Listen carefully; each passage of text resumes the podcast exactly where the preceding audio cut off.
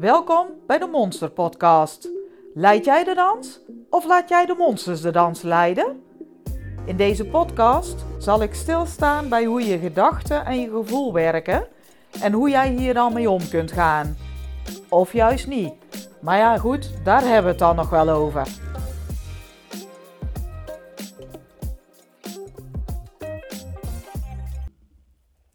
Deze monsterpodcast gaan we het hebben over eigenwijs zijn.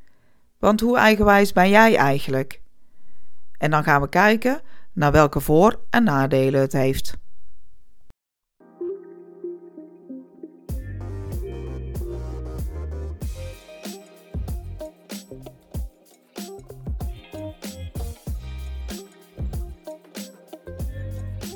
Als je voor jezelf kijkt, kun je dan aangeven hoe eigenwijs je bent?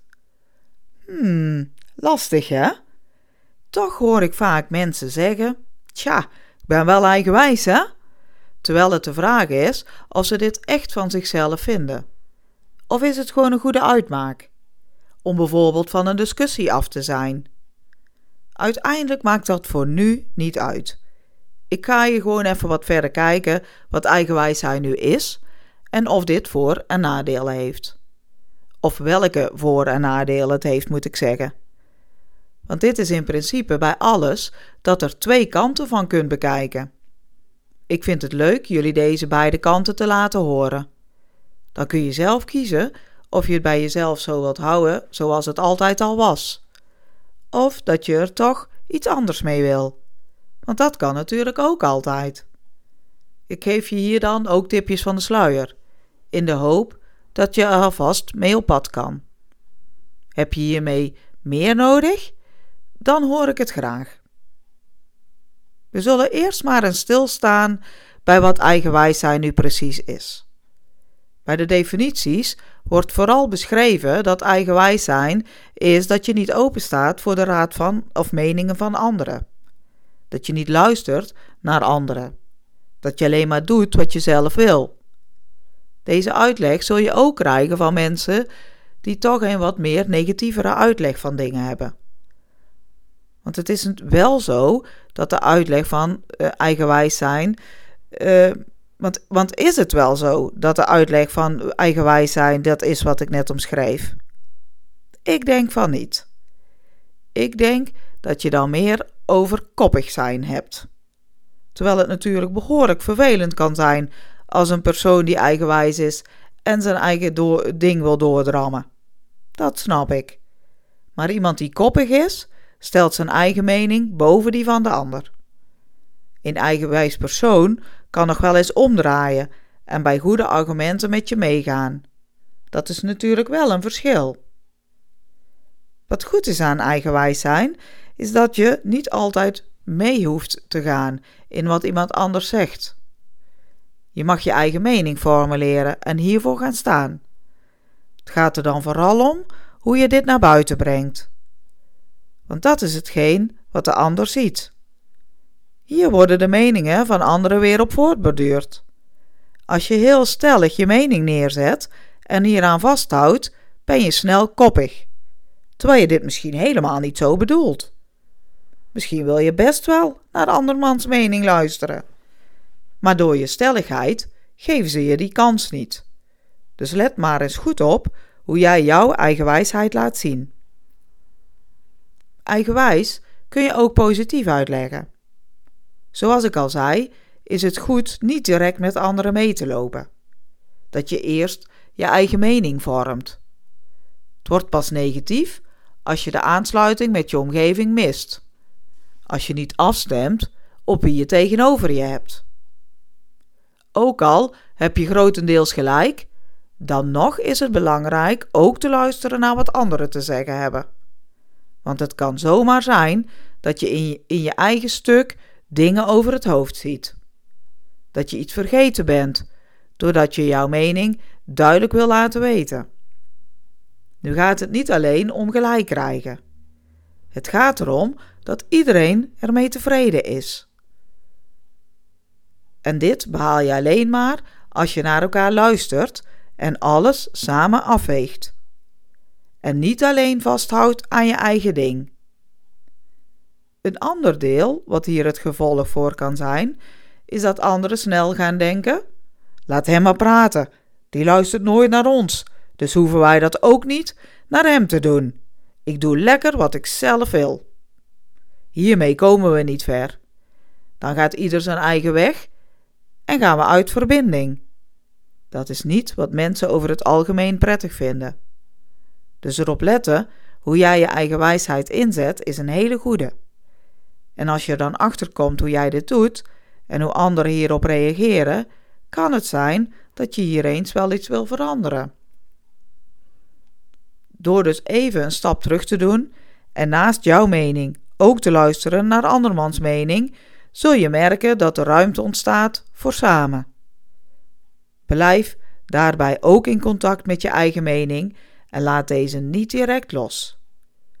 Overweeg hetgeen jij ergens van vindt met wat de ander te zeggen heeft. En maak van daaruit nieuwe keuzes of sla samen een bepaalde weg in. Dat voelt in het begin misschien wat onwennig. En zeker als je het idee hebt dat wat jij te zeggen hebt echt zo is en dat je daar helemaal achter staat. Ook dan kan het zijn dat wat water bij de wijn doen helemaal niet zo erg is. Want dan kun je dit samen doen. Of blijven mensen achter je staan. Als je alleen maar je eigen pad bewandelt, kan het zijn dat anderen je de rug toedraaien. En dat is toch ook niet wat je wil. Bedenk hierbij ook dat hoe ouder je wordt, dit zelfstandig uitvoeren van dingen ook uit kan monden naar een nog negatiever iets. Kan namelijk zijn dat je bij het ouder worden steeds meer de hulp kunt gebruiken van anderen om je heen, omdat je het letterlijk niet meer kunt, fysiek, of je krijgt het mentaal allemaal niet meer op een rij. Dan is het toch gemakkelijk als je daar anderen om hulp om kunt vragen. En dat ze dit ook willen doen. Want als jij je heel je leven het allemaal alleen uitgezocht hebt, kan het zijn dat ze nu ook denken: ja, doe het zelf maar. Eerder wilde je ook nooit dat ik hielp. Dat kan na nadelige gevolgen hebben voor jou. Alleen daarom al is het goed om op jongere leeftijd hier al bij stil te staan, zodat je eerder kunt kijken naar hoe je dit anders kunt doen. Want is eigenwijs zijn echt wel zo wijs? Of is het meer vasthouden aan iets om maar gehoord te worden? Zo lang vol, volhouden tot iemand het hoort. En dan doordrukken. Tja, het is de vraag of je dat iets oplevert. Dus ik ga maar snel over op hoe je het anders kunt doen. Want als je doordrukt, gaan mensen juist minder luisteren, is mijn ervaring. In overleg bereik je meer. Hoe vind jij het dan als je met een eigenwijs persoon te maken hebt? Of liever gezegd, een koppig persoon? Hoe reageer jij daarop? Haak je dan af? Of wil je daarmee in gesprek blijven? Dat is natuurlijk een goede leidraad bij het bedenken hoe je het voor jezelf wil. Want ik verwacht dat je toch graag in gesprek blijft met de ander. Als je erachter gekomen bent dat je eigenwijs bent, omdat je graag gehoord wil worden, of dat je het steeds allemaal alleen moet doen, kun je beter nadenken over hoe je ervoor kunt zorgen dat je hier iets mee doet. Zodat je echt gehoord kunt worden. Of hoe je ervoor zorgt dat je niet alleen hoeft te doen. Wat kun je met deze informatie doen? Welke acties kun je daar nu op zetten? Als je dit openlijk uit, weet ik zeker dat er mensen zijn die hierin mee willen denken of jou willen eh, helpen acties te zetten. Kun je meteen oefenen in hulp vragen. Bedenk wel dat eigenwijs zijn zeker ook positieve kanten heeft. Dit wil, wil ik nog even specifiek benoemen, want het is zeker niet alleen maar negatief. Het voordeel is wel dat je als eigenwijs persoon het soms verder schopt dan anderen. Zij durven meer en kunnen ook beter bazig zijn. Ze kunnen vastberaden zijn en langer volhouden om iets te laten lukken. Daarmee kun je als leider meer bereiken. En daardoor mogelijk ook meer als persoon bereiken. Je rust niet voordat je doel bereikt is. Het nadeel wat hieraan kan zitten, is dat je over je grenzen gaat. En over de grens van anderen. Daar zal ik het een andere keer over doorpraten. Dat voert hier nu wel iets te ver. Ga eerst maar aan de slag met stilstaan bij hoe eigenwijs je werkelijk bent en wat je hier anders in kunt doen. Ben je een kind of een jongere, dan zul je waarschijnlijk eigenwijzer zijn dan een volwassene. Want ja, iemand van 16 jaar meent het allemaal al wel te weten. Zo was het bij mij in ieder geval wel. En dat duurde best wel wat jaren door hoor. En dat is in de gewone wereld ook echt zo. Veel volwassenen blijven zich zo gedragen.